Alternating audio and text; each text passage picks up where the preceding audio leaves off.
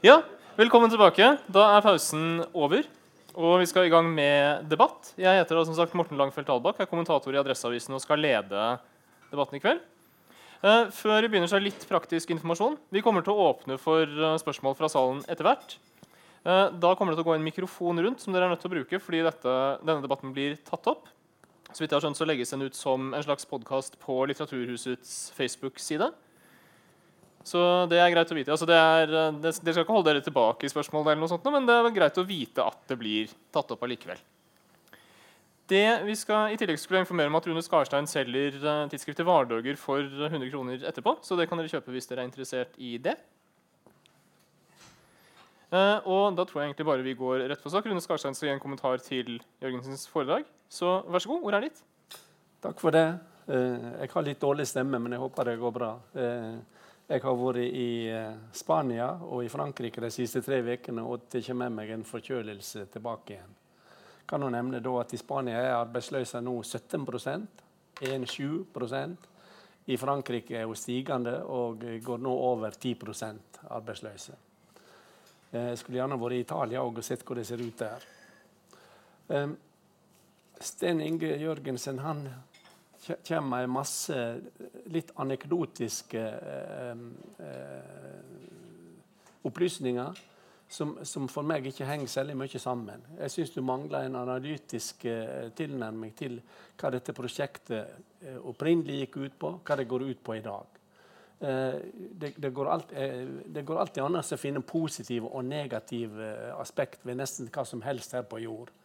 Eh, og jeg, jeg syns at de plukking blir litt for mye sånn plukking av, ting som du syns virker veldig bra og som, og som, du, og som du, er litt uh, fascinert av, for å si det sånn. Eh, opprinnelig så var jo eh, EU-prosjektet det var kan vi si, et etterkrigsprosjekt. Og hvis vi går helt tilbake til, til Montanunionen og, og, og Jean-Claude Monet, så, var jo prosjektet egentlig å hindre at Tyskland noen gang kunne ruste opp igjen. Så Det første vi da eh, observerer hos Monet, det er at han foreslår at all produksjon av stål og kull i, i Tyskland skulle eh, leveres til Frankrike. Eh, og det, det, var ikke dårlig for Frankrike, det var fint for deres gjenoppbygging.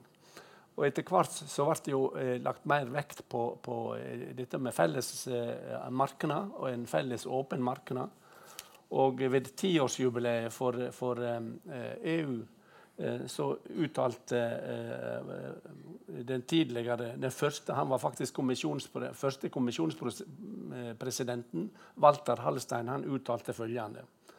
Fellesskapet tjener Og nå bare siterer jeg det som han da sa i en lang skal vi si, hyldningstale til EU. Eh, Fellesmarkedet tjener den europeiske industrien som basis og eksersisplass for dens internasjonale konkurransekraft. Det er kommet i gang strukturreformer som skal tillate våre eh, foretak å måle seg også med de mest avanserte oversjøiske konkurrentene. Det, det, betyr konsentrasjon og spesialisering. Vi kan ikke avfinne oss med den eh, dvergveksten som småstatvesenet eh, ville ha eh, fordømt mange foretak til. Fellesmarkedet gir i dag målestokken for optimal bedriftsstørrelse. Dette var veldig lenge eh, prosjektet. Og hvis vi går eh, til, eh, på, til, programmet eh, Europa 1992, så er det også der det samme kommer fram. At det gjelder om å bygge opp en felles marked som er stor nok til at eh, store foretak kan utnytte eh, stordriftsfordeler i denne markedet. Um, Seinere har det jo kommet selvsagt masse andre forskjellige ting til. Men dette der er fremdeles hovedpoenget. Og derfor, Når vi ser på Romertraktaten og de fire fridommene, så er det fri kapitalbevegelse, fri bevegelse av, av, av arbeidskraft. Det er hovedtinga. De to.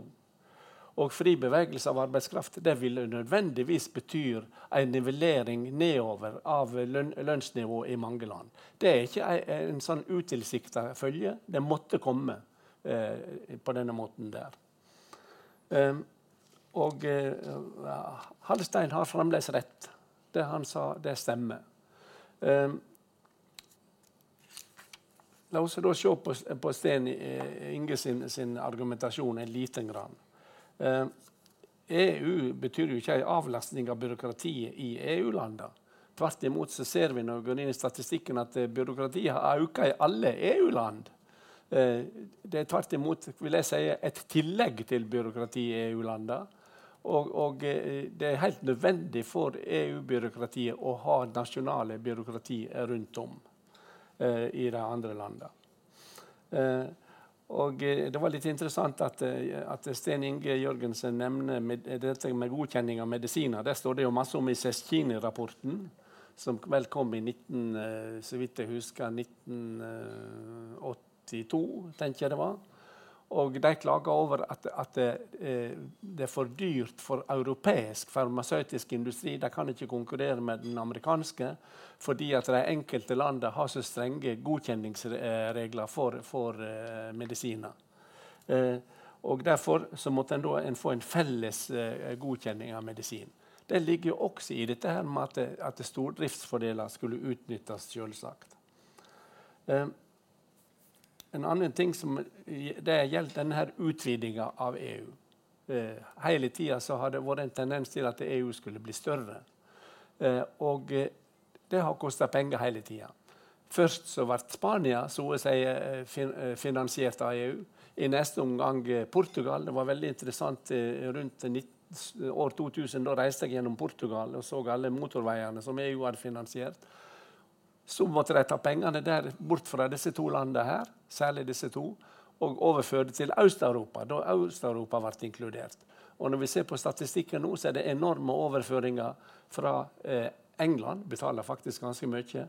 Eh, Frankrike, Tyskland. Eh, disse tre landene betaler store overføringer til eh, Polen, Ungarn og Romania osv. Eh, og så lenge disse overføringene er der, så vil selvsagt disse landene ønske å være medlem. Eh, det er det ingen tvil om. Eh, når det gjelder inntektsfordelinga, syns jeg Sten Inge var veldig uklar. Det vi vet, det er at eh, inntektsulikskapen har økt fortere i EU-landene enn i andre land, bortsett fra USA. Så det, ikke, det, er ingenting som tyder på at EU har kunnet fungere på en sånn måte at, at inntektsforskjellene og formuesforskjellene har minka.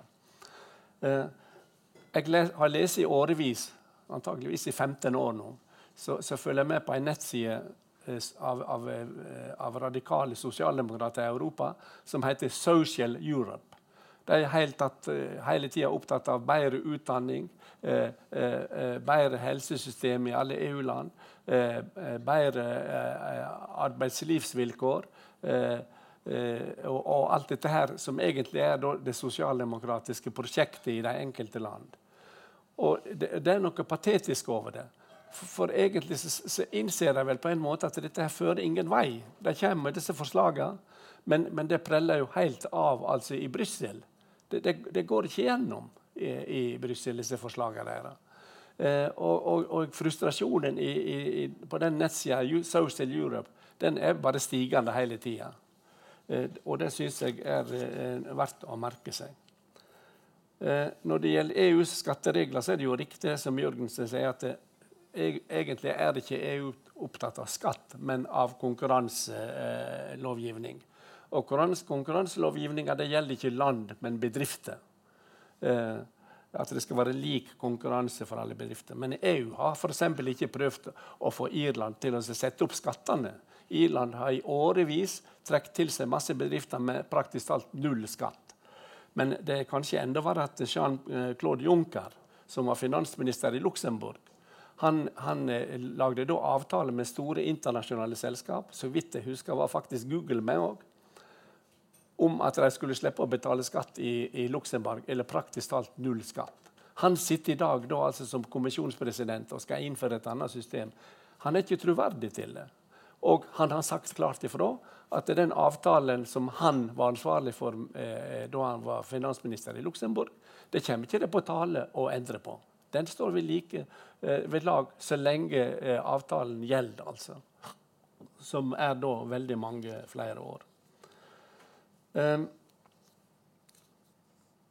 når det gjelder den sosiale vendinga som, som, som eh, Sten Inge nevnte, så gjelder det altså disse overføringene som jeg nå var inne på. Når det gjelder korttidskontrakter, så har det blomstra i EU-systemet. Og jeg har ikke sett noen dokumentasjon på at EU-kommisjonen vil, vil, forsøke å endre på dette. der. Jeg har gått grundig gjennom statistikkene for, for Spania. Og der har jo eh, andelen kort, korttidskontrakter i samla eh, sysselsetting eh, gått opp fra, fra rundt 10% til over halvparten. Over halvparten av alle sysselsatte i Spania i dag de jobber på korttidskontrakter som er ett år eller mindre. Og Samtidig har også deltidsarbeid eh, økt på. Det er ingenting som tyder på at, at EU-kommisjonen er opptatt av å beskytte eh, eh, arbeiderne rundt om i de enkelte landene. Det har jeg ikke sett. Så har vi dette her med disse nye bevegelsene. Hvorfor kommer disse her forskjellige eh, radikale bevegelsene? Når det gjaldt Syriza, så var det egentlig ganske enkelt for Schäuble og, og, og Brussel, ty, altså Tyskland, Schäuble for Brussel, eh, Tyskland og, og, og, og EU-eurogruppa eh, og ta knekken på, på Syriza. Det var ikke noe problem. Det var en bevegelse fra venstre som, som de uansett ville, ville uh, ha, ha temma skikkelig. Og det klarte de. En kan da si at Syriza kunne, kunne, kanskje gjort noe annet, men det er en annen sak. Men når det gjelder det som skjer i Frankrike og i Italia i dag, da har EU et kjempeproblem. Og I tillegg da, så får de det som skjer i Ungarn og i Polen. Og, og, og Når eh, Sten Inge snakker om EU som relativt homogent, så vil jeg si tvert imot. Det er ekstremt store forskjeller i, i mellom de forskjellige landene, til og med innenfor landene. Og disse forskjellene er eksplosive. Vi har eh, alternativet for, for Deutschland i Tyskland så, som nå eh, er over 20% oppslutning, og som sannsynligvis kan komme opp i 30 ganske fort. Og, og eh, en, en, professor som heter eh, det, var, eh, i, det sto ganske nylig i El Pais. Eh, han, han, er professor i, i statsvitenskap ved London School of Economics. Han sier at hvis en skal si veldig kort, uttrykke veldig kort det som nå skjer, så er det at er mer EU betyr mer nasjonalisme og mer høyrepopulisme. Det er hans konklusjon i en glimrende analyse som da faktisk ble eh, publisert i El Pais eh, ikke, for ikke så lenge siden. Og det er der EU nå står altså i dag. Eh, når det gjelder eh, eurosystemet, så vil jeg da nevne at, at problemet der er jo at eh, land med veldig ulike økonomier har gått inn i euroen. Og, og I det der heftet av Varduga som ligger borte der, der har jeg skrevet en lengre artikkel på 30 sider om dette problemet. Det betyr at det blir en gruppe med underskottsland. I dag er det særlig Frankrike og, og Hellas. Italia er faktisk nesten i balanse eh, utenriksøkonomisk. De kunne, de kunne, klart seg de uten euro nå, bare med å ta opp lån fra sentralbanken. Men Hellas Eh, og, og, og, Frankrike har gigantiske handelsunderskudd. Og de blir finansiert med lån som egentlig har sin opprinnelse i Tyskland, som er det store overskuddslandet. Men dette her er jo en helt eksplosiv situasjon. Så kunne en prøve å løse dette problemet på en eller annen måte. En kunne gjort sånn som Keynes sa, at overskuddsland skal betale en avgift som blir brukt til å restrukturere økonomien i underskuddsland. Altså en slags eh, støtte til underskuddsland. Det var jo hans forslag i Bretton Woods-forhandlingene. Det har Tyskland sagt at det kommer aldri på tale. Aldri. Og dermed så blir måten de løser disse problemene på, løser jo i anførselstegn, det er innstramningspolitikk. Det som blir kalt austerity policy. Altså Økonomien skal innstrammes til, til, eksport, og import er omtrent til balanse. Men da er du også inne i en situasjon med gigantisk arbeidsløse. I Hellas er det fremdeles eh, ca. 25 arbeidsløse, da en virkelig teller skikkelig etter. Og i Spania altså 17% Og Spania har gjort dette relativt frivillig, ikke under den tvangen som, som, som Hellas gjorde.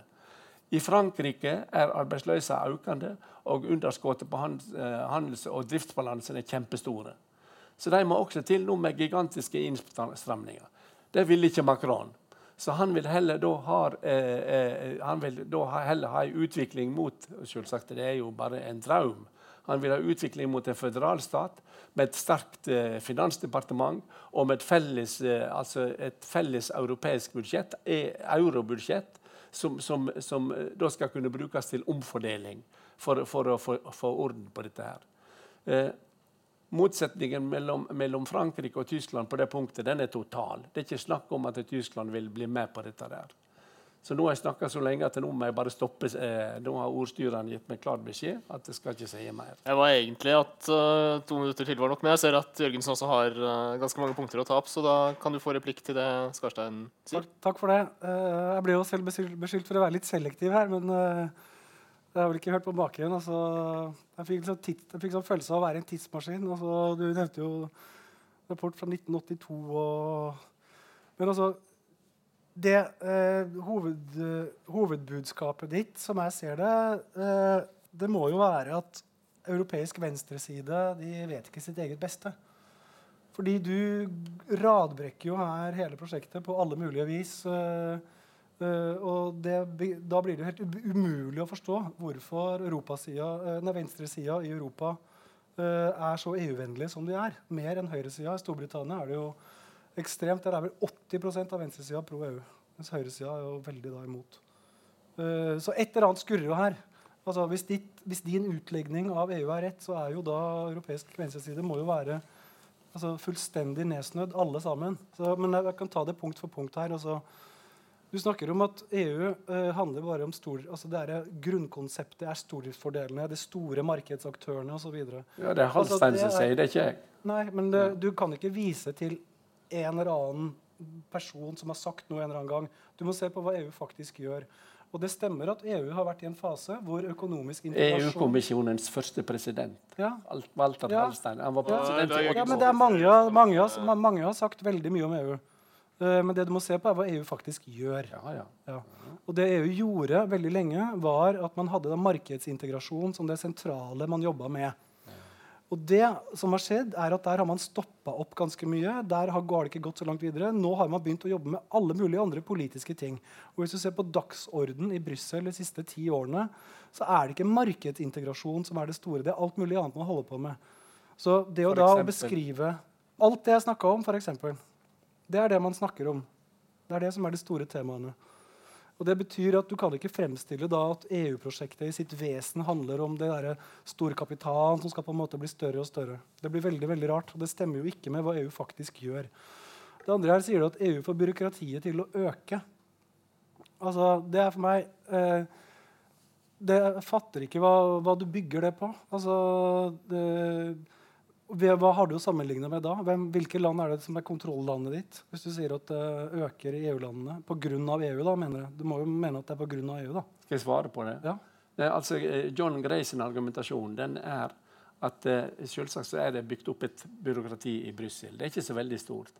Men for å implementere vedtakene som blir gjort i kommisjonen, så må det jo være et byråkrati i hvert eneste land. Og du mener de er større... EU-kommisjonen går ikke inn i hvert land for å gjennomføre uh, vedtakene. Men du mener de er større enn den, det de får avlasta gjennom de felles byråene? Det, det, er ikke påviselig at det er noe, at det er noe eh, avlastning av byråkrati. Okay, men da har jo britene misforstått helt. Det har jo, det har jo kommet rapporter nå på hva brexit koster britene i nytt byråkrati, som er helt vanvittige. Hvor mye de må ansette av nye folk uh, som de ikke har hatt. Men OK. det... Ja, og så, det var jo greit skrevet nå for eh, fire uker siden. Ja, men da, ok, men bare se på brexit-dokumentene. Se hva de regner med. De må ut med ekstrautgifter nå. Uh, så sier du at Østlandet vil være med pga. Overføre, økonomiske overføringer. Altså, Det er så grovt i forhold til den demokratiske bevegelsen i Øst-Europa, som har kjempa for at de skulle komme ut av kommunismen og inn i en, et fritt samfunn, uh, demokratisk samfunn, at jeg har nesten ikke ord for det. Uh, selvfølgelig er det mange østeuropeere som er, uh, har økonomiske fordeler som det tyngste insentivet for å være med, men det gjelder da absolutt ikke alle østeuropeere. Uh, sier du at inntektsulikheten øsker, øker raskere i EU enn andre land? utenom USA. Utenom USA. Det har jeg heller ikke sett dokumentasjon på. Jeg har sett det motsatte. At etter østutvidelsen så sank inntektsulikheten i Europa under ett selv om den økte hele tiden i Vest-Europa. Ja. Pga. utjevningene til øst. Uh, hvis det ikke passer i det resonnementet ditt, så, så, forstår jeg det. Uh, så sier du at uh, du har kontakt med noe, eller følger med på noen frustrerte, radikale sosialdemokrater som mener at de bare ikke får gjennom sine ting i EU. Altså, det skulle jo bare mangle. da. Altså, mener du at, alle, mener du at uh, søsterpartiene til Frp uh, at det var noe fælt hvis de klaga over at de ikke fikk gjennom alt de skal i EU? Altså, det må da være flott det, at uh, man kjemper for ting. Det viktigste er jo at de kjemper for å gjøre det i EU, som de radikale sosialdemokratene gjør. Ja. Det, dette er ikke, det er kanskje feil å si at det er radikale sosialdemokrater. Det er sosialdemokrater.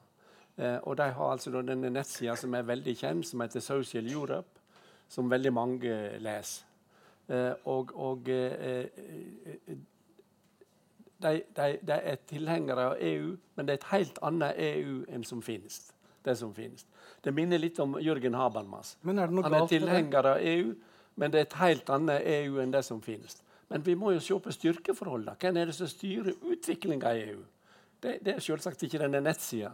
Nei, men det er jo høy, høyere kø... Ja. Bare som et oppklaringsspørsmål, fordi De sosialdemokratene du snakker om, er det noen som, noen som, vi her kan kjenne til? Altså Er det noen personer vi kan hekte det på som jobber innenfor EU-systemet eller i nasjoner rundt omkring i Europa f.eks.? Dette er akademikere, intellektuelle, ja, som, som, lager det mm. der sida. Mm. Men, men, poenget mitt er bare at du selvfølgelig vil du finne masse miljøer som opplever at EU er ikke akkurat sånn som de skulle hatt det. Men hvis du krever det av en internasjonal organisasjon som EU, så blir jo organisasjonen på en måte poengløs. Altså, selvfølgelig, det, det, som teller, er jo at de kjemper for å få mer gjennomslag for sine ting. Altså, det er jo en politisk arena, som en nasjonalstat er det. Altså, det er jo Partiet Rødt uh, eller SV melder seg jo ikke ut av Norge fordi at, uh, det er på en måte vanskelig å få uh, deres eget partiprogram realisert i Norge. Så Det er jo en, er jo en underlig innvending. da. og så sier du bare videre her da, at Juncker er ikke troverdig fordi han uh, kommer fra Luxembourg, som er et skatteparadis. Ja, det, det er han som innførte ja, det, ja, ja altså, det var jo, han var jo før Juncker òg at det var et skatteparadis. da. Men uh, altså, ja vel. Uh, hvis, man da, hvis du skal dømme det EU-kommisjonens arbeid ut fra at Juncker har den fortiden, så er det klart det, da kan han aldri gjøre, gjøre noe med kredibilitet igjen, han, ettersom han en gang kom fra et sånt land. Men igjen, du må se på hva de gjør. Altså, EU gjør det nå vanskeligere å være skatteparadis. Det er det som er faktum. Men du rister på hodet. Nei, det gjør ikke det. Du gjør ikke det? Dessverre. Nei. Nei. Nei ok. Ja, det... Skal vi, ta, skal, vi det sånn, skal vi gå inn i en debatt om de konkrete vedtakene? Skal vi gjøre det? Eh, det kan du godt gjøre. Ja. Eh, men det er bare forslag, det er ikke vedtak ennå. Nei, det har flere ting er vedtatt. Ja, kan du gi eksempel på de to viktigste vedtakene? Ta, ta, ta, ta to-tre viktige vedtak, da. Uh, første er jo det at man da bruker uh, den konkurranselovgivninga ved å stoppe for eksempel, da den forretningsmodellen som Google har brukt, ved å få da lavere skattesats enn andre. Og Det har skjedd i en kommisjon som Juncker er leder av. Ja, det er riktig. Og det gjelder altså selskap som har, eh, til, som er, har sin base utenfor EU. Ja, men Mener du ikke at det er et uh, tiltak som gjør at oi, Juncker oi, oi. kan bestyre en kommisjon som faktisk gjør noe bra? Jo da, det kan han. Ja, For det hørtes ikke sånn ut. Det kan han. Men det, det, blir veldig teknisk her. Jeg har åtte punkter igjen her. Uh, du sier at uh, Skal vi se Du har ikke sett dokumentasjon på at EU vil stanse korttidskontrakter, sier du? Nei. Nei. Eh, men EU har ikke myndighet til å gå inn og, og, og, og, forby ansettelsesforhold. Vil du at EU skal få myndighet til å bestemme hvilke ansettelsesforhold som er lov i Europa? Eh, for så vidt ikke. Men det vi ser, det er jo at kommisjonen faktisk eh, overfor Spania foreslo mer bruk av korttidskontrakter for å få, for å få ned arbeidsløsheten, som de sa. Ja, det, det, er et faktum. Det, er, um, det var Eurogruppa som gjorde det. det er, Eurogruppa er noe annet. Ja, Men det er jo EU-organ, det òg. Nei, det er ikke det. Det står utafor EU, EUs demokratiske det kontroll. Og det er, midt inni EU. Eh, hvis, du spør, uh, hvis du spør både folk i kommisjonen og Europaparlamentet, så vil de si at det er helt hårreisende hvordan eurogruppen er opptrådt. For her er det altså gruppen av euroland. De agerer uavhengig av EU-systemet og har bygd opp en modell hvor det er kreditor mot debitor. Altså, De kjører det som om det ikke er et økonomisk fellesskap. Det kan du si, Ja. men det er jo faktisk blitt en av de viktigste maktfaktorene innenfor EU. Ja, men det er- ikke du det? Jo, absolutt. Men, men, men, men innafor EU, ja. Ja. Men det er ikke EU. ja, Det er jo et definisjonsspørsmål. Jeg mener at det er en del av EU. Ja, men, er det eh, det. Og men- det, men, mener, det mener jo Eurogruppa òg. men da kan vi ta det kan, det kan bli interessant. Mener du at eh, det var noe ideologisk over kravene til Hellas? Mener du at det var ideologisk styrt? Nei. Det var Mener ikke det? Nei, det mener jeg ikke det var. Det var, eh, det var styrt ut ifra rene økonomiske interesser. Ja. Ja. Ja. Rene Og økonomiske interesser. og hva forteller det oss? Det forteller der, oss at der Tyskland hadde overtaket, og de fikk med seg Frankrike. Eh, og de fikk også faktisk med seg Italia, dessverre. ja. Jeg har da gjort intervjuer med eh, mange av regjeringene i eurolandene. Ja. Og det var mange land som var mye mer haukete som det uttrykket ofte brukes da, enn Tyskland. Finland trua med et tidspunkt å trekke seg fra alt. Det. Eh, og eh, i Slovakia så var det snakk om at nå kan vi ikke bare nå kan vi ikke gi mer til Hellas. Det her betyr at vi må kutte utgifta selv. Men det poenget jeg vil fram til, det er det at eurogruppen det har i praksis vist seg å være en gruppe som opererer med klassiske kreditor mot debitorprinsipper. Og det Hellas har fått Og kommisjonen er med den det. Ja, kommisjonen har jo ikke noe valg der. Nei, de har De støtta jo, det. det jo, ja. men, men, men poenget er Hvis du ikke hadde hatt øh, den, øh, den eu- eu- eurogruppen som kunne da gi de innrømmelsene som da Hellas faktisk fikk, så er det mange økonomer som mener at Hellas ville fått det mye verre. Fordi man strakk seg veldig langt overfor Hellas fordi det var Hellas, fordi det var et EU-land. Det, veldig mye gjeld ble sletta, og man ga betalingsutsettelse i over kjempelang tid. Og disse tingene eh, er, skiller seg fra mye av det som f.eks. IMF har gjort i lignende situasjoner før, altså internasjonale valutafondet, eh, hvor det har vært mer nådeløst. Og derfor og Jeg har snakka med flere økonomer som sier at dette er eh, eh, Hellas kanskje skal prise seg lykkelig for at det ikke sto utenfor en fellesvaluta i den prosessen der. Får det lov å kommentere dette? Ja, ja. Eh, saken er at, at, det, at det innenfor eurogruppa, altså mellom eurogruppa og IMF, så oppsto det eh, stor usemje. Der IMF mente at det slik som eurogruppa opererer nå, så vil ikke Hellas ha noen sjanse til å komme seg ut av sin gjeldssituasjon.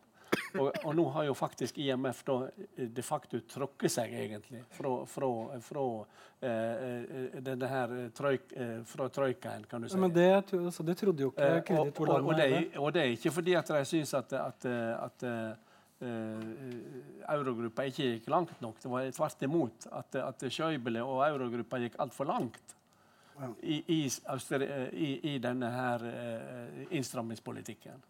Det var omvendt. Ja, men, eh, Faktisk så forsvarte de- eh, IMF en mer moderat linje. Det er viktig. Ja, men altså, Poenget her er Har du sett noe tilsvarende land som har vært under IMFs regime, som da har fått så god behandling som, altså, Jeg sier jo ikke at Hellas fikk en god behandling, det var jo beintøft. Men poenget er Ja, jeg vil, fikk jeg vil si at. Argenti, Argentina og, og, og, eh, og Mexico fikk ikke dårligere behandling enn en Hellas fikk. Så hvorfor forklarer du at selv radikale Syriza-partiet vil fortsette å være med euroen? Ja, Det kan du spørre om. De mangler mot. Tror du ikke de ser, tror du ikke de har fått øye på en del ting som du ikke ser? Ja, jeg har iallfall eh, lest alle rapporter som finnes, inklusive Varoufakis sine bøker. Han er jo en drømmer uten like. Eh, Det går an å drømme om ei bedre framtid, men jeg må ha en viss fot i bakken samtidig. Eh, han tror jo at det går an å reformere totalt hele både eurosystemet og EU. Det gjør ikke det. Det gjør ikke det. Det er for store, kraftige, både økonomiske og politiske interesser som vil hindre det i å skje. Men, tror men, men poenget her er at uh, i hvert fall så konkluderer Syriza-partiet og Varoufakis veldig annerledes enn deg, da. Ja, Eh, det gjør det, det. det, det gjør Det det. gjør det. Det er var vel egentlig Det er klart. poenget mitt. Men jeg skal Eh, Men, men, men bare les Varoufakis' bok, så ser du hva behandling eh, han fikk i, i, av eurogruppa.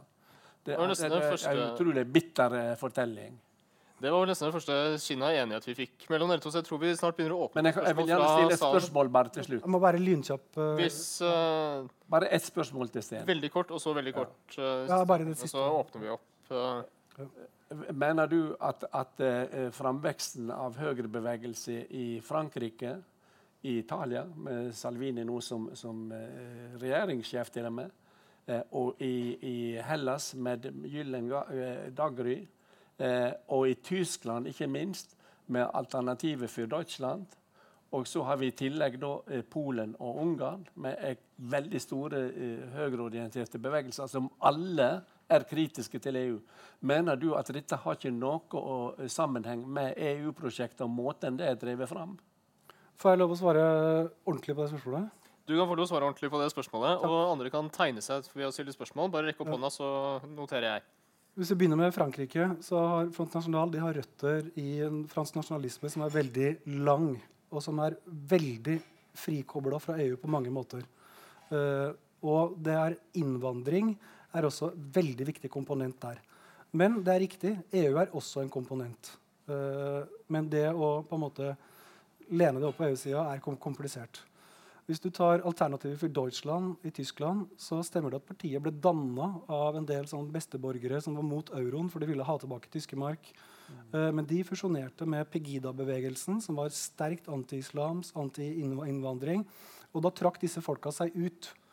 Så det som driver på en måte Alternativ for Deutschland i dag, uh, det er at de er mot Merkels flyktningpolitikk og mot innvandring. Uh, og du sier Og mot euroen. Det står på programmet ennå. Ja, ja. ja, ja. Uh, og så sier du at nå er de på 20% og kan snart komme opp i 30 ja. Det er ikke i tråd med for, for øvrig så På meningsmålingene så er det jo langt unna 20 Men det at de kan komme opp i 30, stemmer jo ikke med noen analyser foretatt av tyske valgforskere. Så det er jo en veldig frisk spekulasjon. når det, ja, hvis vi går videre, så tar vi Ungarn. Uh, Fidesz-partiet i Ungarn, Viktor Orban. Uh, der brukes uh, kritikk av EU som en måte å legitimere myndighetene på. Ved at man da overdriver trusselen fra EU. Litt sånn som polske Lov- og ordenpartiet gjør det i Polen. Man sier at EU skal oversvømme oss med flyktninger osv. Men det som foregår i praksis, det er at Fidesz-partiet er i ferd med å bygge opp en intern mafiastat hvor de kanaliserer alle økonomiske interesser rundt en klikk. De driter i innvandrere, egentlig. De er ikke opptatt av det. Men de spiller da ut i forhold til folket uh, at det er det det handler om, og at det er EU som skal prøve å tvinge oss til ditt og datt. Og samme med, I Polen så er det da en konservativ reaksjon på en litt for sånn liberalistisk utvikling man mente at forgjengerne deres hadde. Altså Borgeralliansen, som reagerte før. Uh, og det er dypest sett uh, har også fint lite med EU å gjøre, bortsett fra at det kanskje fins noen sånne rettigheter som homofile har, uh, som de ikke ville hatt ellers. Men egentlig så handler det om en intern, klassisk litt sånn venstre-høyre-kamp i Polen. Han mente at det var for, forgjengerne var for usosiale osv. Så, videre. så når du spenner opp det bildet med at det på en måte er EU som har skylden for disse kreftene, så klarer ikke jeg noe annet å se enn at det er, liksom, det er ren agitasjon. Det har ikke noe fundament i den virkeligheten som er rundt i Europa. Det som er kjensgjerning, er at populismen og liberalismen er veldig knytta til eh, motstand mot innvandring. Er det som er et faktum. Og se på Sverige og Tyskland. Når var det Sverigedemokraterna og AFD fikk en bølge? Det var akkurat da flyktningkrisa slo inn. At flyktning bare et lite Et, et, et kjapt svar. Det var et veldig stort lerret som ble spent opp. Da, da, da konkluderer jeg med at, at, du er helt uenig med John Gray, som sier at uh, mer EU i dag det betyr mer nasjonalisme og mer uh, uh, populisme, altså populistiske bevegelser i betydningen mot EU. Nei, når har jeg sagt at uh, mer Er du sammen med? Nei, jeg tror at det kom ganske klart fram i mitt foredrag at EU må gjøre mindre på noen områder. Uh, og at de må passe seg for å overkjøre nasjonalstatene. At, men så er det samtidig noe som EU-landene ønsker, og EU-borgerne ønsker, er integrasjon på andre områder. Så jeg forstår ikke at du kan trekke ut av det at jeg har sagt at mer EU er liksom hovedgrepet. Det forstår jeg ikke. Så jeg skjønner ikke at, det skal, at jeg har polemisert mot John Gray. Det forstår jeg da ikke. Da har vi et spørsmål bak der, og så her framme. Vi tar dem i eh, etter hverandre. Jeg heter Svein Liland, jeg er leder i Sør-Trøndelag Nei til EU. Jeg ser um, Jørgensen, du, du, lager, du mener da at EU er en sånn form for beskytter mot USA, Kina og, og Russland. Så du, vi er omgitt av fiender. Du lager jo på slutten av hovedinnlegget en sånn en, eh, ja, et fiendebilde av Russland.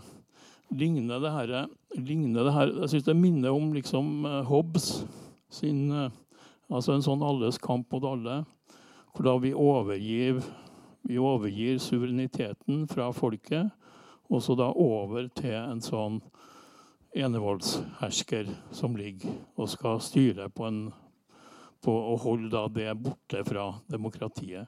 Jeg syns jo da det, det, her er det som eh, Når han Jean Monnet er jo samme argumentasjonen. Vi må holde politikerne borte ifra startinga av, av EU, eh, e det her store fredsprosjektet. Hobbes har jo også et fredsprosjekt. Sånn at de ikke da blir forført av sånne folkeforførere. Sånn at det her, På meg minner det sterkt om en sånn Du lager fiendebilder for å legitimere EU. Ja, takk. Jørgensen? Ja, øh, nei, altså, det er ikke jeg som har skapt fiendebildene. Uh, det her er ting som EUs uh, medlemsland, politiske partier, EUs borgere mener. Og de mener at de tar de grepene de trenger for å møte det. så det er ikke mine liksom, eh, påstander hvis vi snakker om her. Jeg prøvde å beskrive hva som faktisk skjedde. Og eh, det du sier eh, Jeg antar at du er kritisk da, til forsvarsintegrasjon i Europa. At du syns det er veldig negativt. Eh, så tror jeg det er viktig å huske at eh, grunnen til at det fins to initiativer, eh, eller det flere også, men at det ikke bare ble Pesco som ble initiativet, det er at uh, Frankrike visste at uh, et forsvar som hvor Tyskland og mange av de andre er med, det er, uh, vil aldri kunne bli brukt til noe annet enn defensivt. Fordi at I PESCO så er det alle land har én stemme. så det er ikke en, en stat som overtar en måte, eller en myndighet som overtar forsvarspolitikken. Og Derfor er det helt, også helt, det er helt uaktuelt for Frankrike, som er en intervensjonsmakt, å være med på noe sånt. altså deres militærstyrker og deres atomvåpentradisjon osv. Den vil de beholde full uavhengighet på, fordi at de nettopp da ønsker, ønsker en annen forsvars, type forsvarsrolle. Mens eh, hvis du tror at Sverige og Finland har gått inn i, i Pesco med liksom bind for øynene, og at de blir lurt opp i stry, så er det klart at da Det må du ta opp med svensker og dansker, altså. Tror jeg. En replikk? Eh, jeg vil bare si at Når det gjelder dette med EU mot resten, for å si det sånn, også der er det splid i EU. Frankrike de vil gjerne eh, at, at EU stiller seg skarpere mot USA. Tyskland sier nei. Kort og godt nei. Og når Tyskland har sagt nei, da er det nei. Da kan Frankrike bare holde kjeft. Eh, og, og, og, og sånne eh, motsetninger altså Dette det er viktig. altså at det er Eh, det er ikke slik at EU er helt entydig mot USA. Slett ikke. Slett ikke. Um, ellers har jeg lyst til å spørre, hvis jeg kan legge til Vi kan vente, for jeg kan ta et spørsmål ja, bare kommentere på Kommenter det kort. Det. Ja. Eh, altså, din, eh, din, forestilling om tysk makt i EU den kan i hvert fall ikke være basert på eh, innsikt i avstemningene i EU. For Tyskland er vel det omtrent som har tapt flest avstemninger i EU. Uh, og da europeiske sentralbanken midt i eurokrisen gjennomførte det absolutt tyngste grepet de gjorde, da de sa 'do what it takes', altså jo kjøp av statsobligasjoner fra kriseramma landene, så var det den tyske representanten som ble nedstemt. Det er vel noe av det største EU har gjort de siste årene. Og du sier at Da kan Frankrike bare holde kjeft når Tyskland sier noe. Altså Den tonen din å snakke om andre land, seriøse politikere på, altså det overrasker meg veldig. At uh, du tror at de er liksom sånne får at én er liksom sjefen, og de andre liksom det, det, høres, det høres, veldig Nei. merkelig ut, altså. Nei, det, hvorfor kan du legge sånne ting på meg? Jo, men du sier, altså, du sier, når, du sier, når, Tyskland sier noe, da må Frankrike bare holde kjeft. Tror du det er sånn? Eh, jeg tror nok at når det gjelder utenrikspolitikken, så har Macron nå skjønt at han må bare passe seg, for det er Tyskland som bestemmer eh, hva slags forhold EU skal ha til USA. Det holder jeg fast på. Så det holder jeg fast på. Ja. Ok, men Det er vanskelig å argumentere mot det. da, men... Uh... Kan la den ligge der, tror jeg. Og så kan vi ta neste spørsmål fra salen. Ja, eh, Jeg heter Charlotte, og jeg er student. Studerer europastudier på NTNU. Eh, jeg syns det er veldig spennende å høre dere debattere. Men jeg har lyst til å stille et spørsmål om noe som dere ikke har snakka om. Og det er jo at det er parlamentsvalg til våren. Eller neste år. Eh, og lurer litt på, siden vi snakker om et nytt EU for en ny tid, nå jo EU, skal jo EU også bli ny. Eh, så jeg lurte på om kanskje du da, Senne hadde noen eh, tanker om hvordan EU eh, e kanskje kan bli påvirka av brexit, og hvordan verden nå er i et nytt eh, bilde. Hvordan vil det kanskje spille inn på valg og valgoppslutning og ny sammensetning av kommisjonen, f.eks.? Det er veldig spennende. Det, det, sammenfaller jo også så nært, altså selve brexit, med det valget. Uh, men uh, altså det vi vet, er at uh, oppslutninga om EU begynte å øke veldig etter brexit. Uh, nå er den den høyeste den har vært på 35 år. så på et eller annet vis kan det se ut som om brexit gjorde mange oppmerksomme på verdien av EU, fordi man så litt alle trøblene på en måte britene fikk. da. Eh, men så er det ikke gitt at det direkte omsettes i økt oppslutning til partier som er veldig EU-vennlige. Fordi uh, det er mange, uh, mange flere og sterkere sånne kritiske stemmer, også særlig på ytre høyre da, og blant populister. Men hvis man ser på projeksjonene, så ser det ut til at det man kan kalle de mer sånn moderate partiene, da, de vil fortsatt ha langt over to tredjedels flertall i EU-parlamentet. Eh, så det er ikke å vente at det blir noen sånn kursendring pga. disse kreftenes fremgang. Men hvorvidt EU-parlamentsvalget eh, e kan medføre en kursendring for EU, det er litt vanskeligere å si. Altså, de har jo nå medbestemmelsesrett på veldig mange saksfelt. så det vil si at på en måte Uten EU-parlamentet så får du ikke gjort mange vedtak. Men så er det sånn at EU-rådet de kan jo også blokkere veldig mye. Så uh, regjeringsskifter i europeiske land generelt vil nok fortsatt ha større betydning. Fordi EU-parlamentet har alltid vært mer integrasjonspositive, mens motstanden har mye vært i rådet blant medlemslandene. Og Min tolkning akkurat nå er at de som mener at uh, vi har integrert øh, nok på de fleste områder nå er det, Vi kan godt integrere på noen utvalgte områder, men vi skal ikke ha noen føderalstat. De har stor overvekt i rådet. Uh, der er jo også Sverige, uh, for så vidt. Så akkurat det valget liksom isolert sett er litt vanskelig å, å, å, å se som en sånn spådom for hele resten av EU. da. Ja, nei, jeg, du har noen bemerkninger til det? Ja, eh, nei, jeg, jeg, jeg, vil gjerne ta opp en ting. Jørgen Habermas han er omtrent like positiv til EU-prosjektet som du. Men han sier at EU er ikke demokratisk. Eh, det har et parlament som i beste fall kan fungere som en slags vetoorganisasjon. Eh, men parlamentet kan ikke engang avsette kommisjonen, som er en slags regjering. Altså, det er en konstruksjon som han ikke kan godta. Og han har da den store drømmen om et demokratisk EU, der det, blir, der det er myndige borgere i hele EU som velger parlamentet, som setter inn regjering, kommisjonen vekk, og, og, som, og som, egentlig da danner en slags uh, europeisk føderalstat. Uh, Mener du at det er egentlig ikke noe eh, demokratisk problem i motsetning til det Habermas legger vekt på? Uh, på ingen måte. Uh, kjempemasse problemer demokratisk med EU. Bare for å begynne med at det er forskjellige språk. Så folk kan ikke følge med på hverandres debatter. Ja, Men ta ned institusjonene først nå.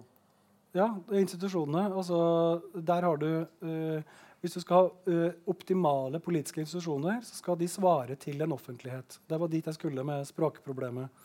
Uh, når det ting behandles i, i, rådet og i parlamentet, så skal det optimalt sett være sånn at da har du en uh, altså da, De som er på en måte borgerne, da, de skal kunne følge med og ha ordentlig innsyn i disse sakene og vite hva som foregår. og det kan de ikke. Fordi de snakker ikke, de snakker ikke samme språk. Og også fordi at EU har en tradisjon for å inngå kompromisser gjennom en sånn altså veldig søken etter konsensus, for man vil helst ikke isolere noen. Og da foregår det altså mye møter på bakrommene, dere trialogene osv. mellom institusjonene, hvor man søker å ta hensyn på en måte til alle land, sånn at man får til et eller annet til slutt uten at noen har blitt for sure. Uh, noen sier at det er da en styrke ved EU som kanskje er grunnen til at EU har overlevd. at man faktisk har vært konsensussøkende. Men for en idealist som Habermas så er det uakseptabelt. Uh, hvis man ser på hva som er uh, realiteten i, hvis man ser utviklinga over tid, så er det EUs ombudsmann som uh, følger tettest på den utviklinga. Jeg var i kontakt med de i forbindelse med boka mi, og de sier at uh, innsynet øker nå betraktelig har de gjort de senere årene. Mer og mer legges åpent ut osv. Så, videre. så for de som vil grave og finne ut, journalister osv., så, videre, så er det lettere enn før. Uh, men det er heller ikke en velfungerende offentlighet. Altså, journalister kan, de gidder ikke å, å søke. Altså, de bare orker ikke å oppsøke informasjon. Uh, og dessuten så kan det hende at mye av det viktige som skjer, det syns de ikke er så veldig spennende heller.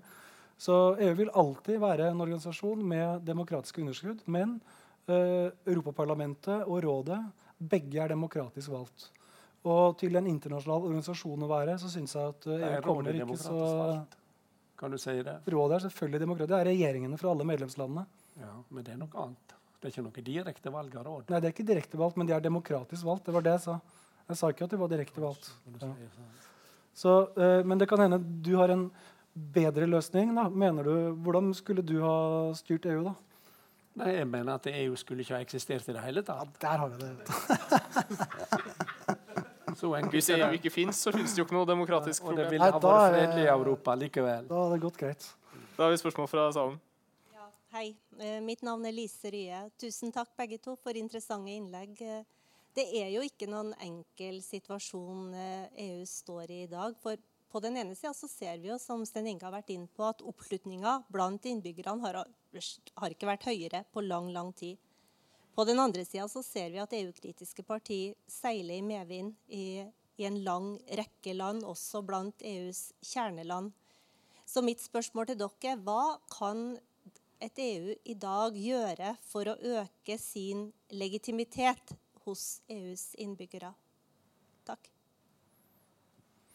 Jeg tror det eh, viktigste EU kan gjøre, er å være på en måte synlig for borgerne at EU-vedtak er noe som de opplever som svar på uh, utfordringer de selv har. Og så kan du si at Det merkes på lommeboka når roaming-kostnader kuttes. og Nå skal det også bli forbudt med diverse avgifter på kredittkort. og Det er mer rettigheter når man flyr og reiser. ikke sant? Men det er sånn grenseoverskridende ting som ikke nødvendigvis er veldig nært på hverdagen til hvert enkelt menneske.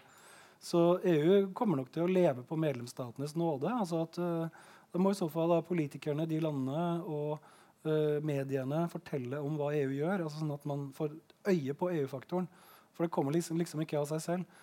Altså jeg hadde et møte med de som var kommunikasjonsansvarlig i EU-kommisjonen, som fortalte at deres årlige budsjett for å kommunisere med alle EU-borgerne det er mindre enn det Viktor Orban i Ungarn brukte på én av sine kampanjer mot George Soros, han filantropen, for å vise hvordan han skulle oversvømme landet med flyktninger. Så det sier litt om styrkeforholdet her.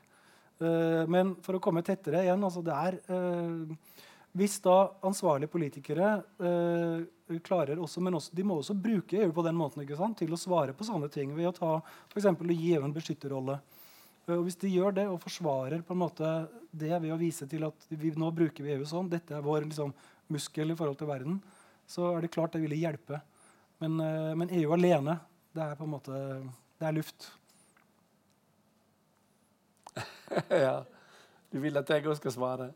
Uh, men, men, jeg vil si det sånn at veldig mange EU-borgere, altså vanlige folk, vanlige folk i arbeidslivet, arbeidere, de oppfatter EU som et slags mjukt eh, diktatur. For det er et mjukt diktatur. Det er ikke et diktatur der eh, folk blir plaffa ned på gata eller noe sånt. Tvert imot.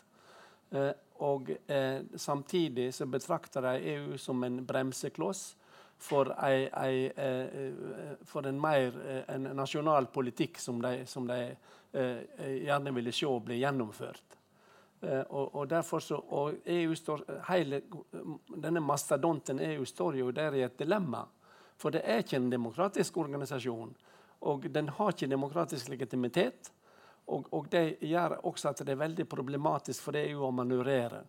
Eh, min spådom for framtida er at innenfor ti år så er eurosona enten oppløst eller har blitt totalt forandra. Men da må det skje enorme ting i, i det økonomisk sterke landet Tyskland. Eh, når det gjelder EU, så tror jeg det vil hangle videre eh, som et samarbeid mellom stater.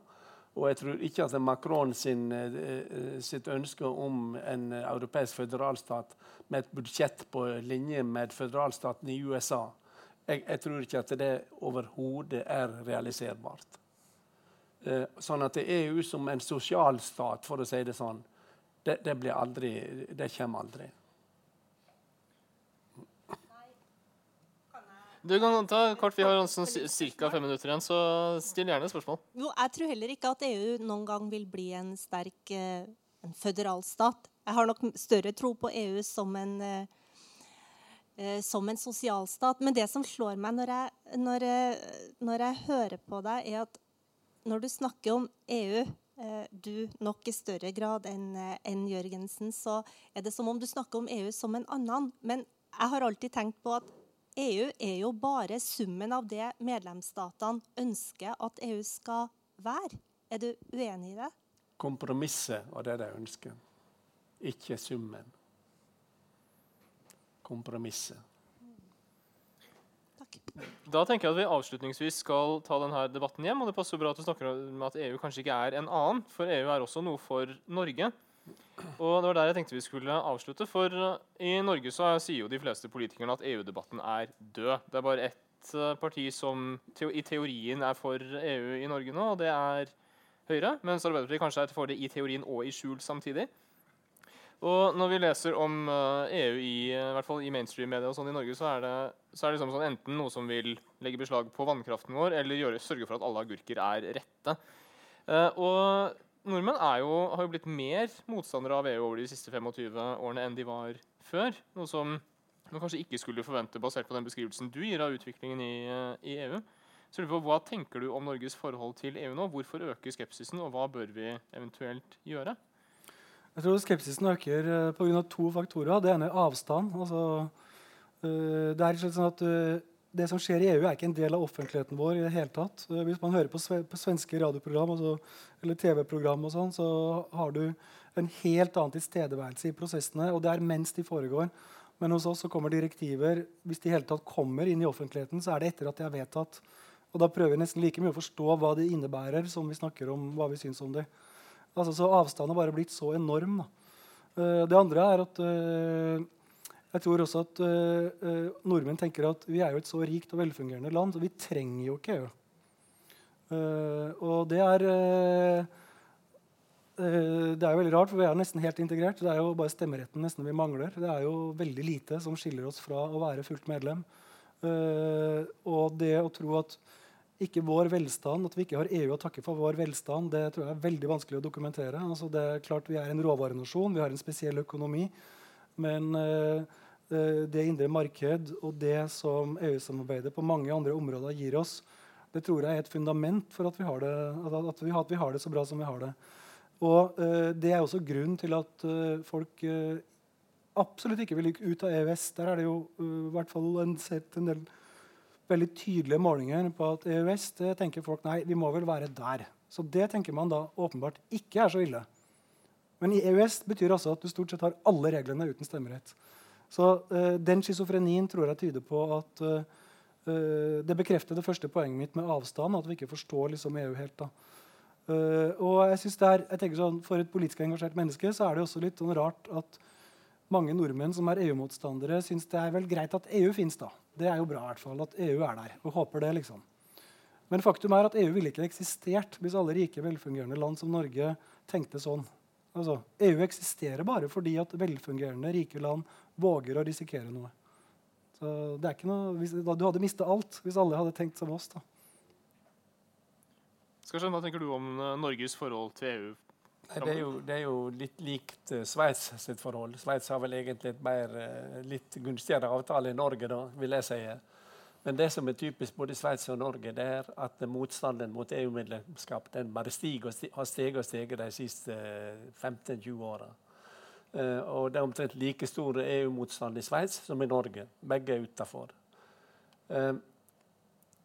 Når det gjelder Norge, så er jeg ikke i tvil om at det problemet som befolkninga ser, det er demokratiproblemet. Altså, de, de, de, vil ikke at Norge skal bli medlem av en organisasjon som overhodet ikke er demokratisk, og som bryter med veldig mange eh, demokratiske regler.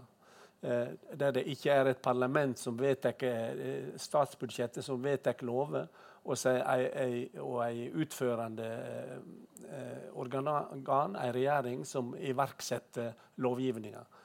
I, i, Brys, I Brussel er det jo sånn at kommisjonen både vedtar lover og implementerer dem.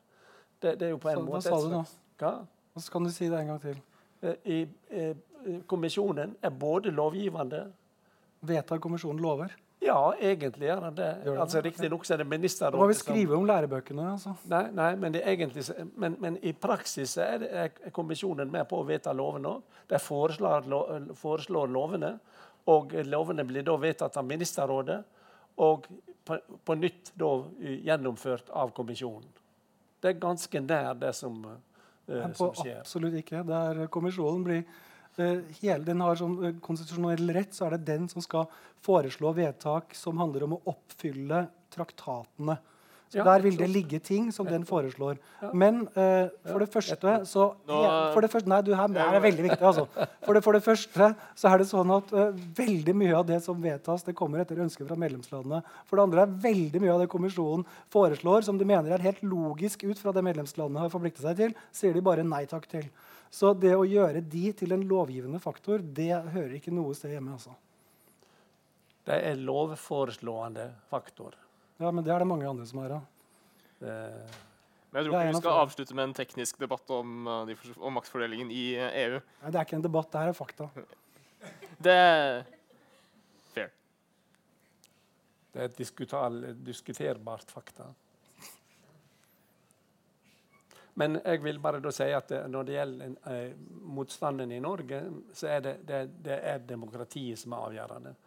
Dessuten så, så vet eh, enhver nordmann at det, det har vært veldig gunstig for Norge å ha egen valuta og ha, eig, og ha full nasjonal kontroll over eh, olje- og fiskeressursene. Det er ikke tvil om at, det, at det, sånne ting betyr veldig mye.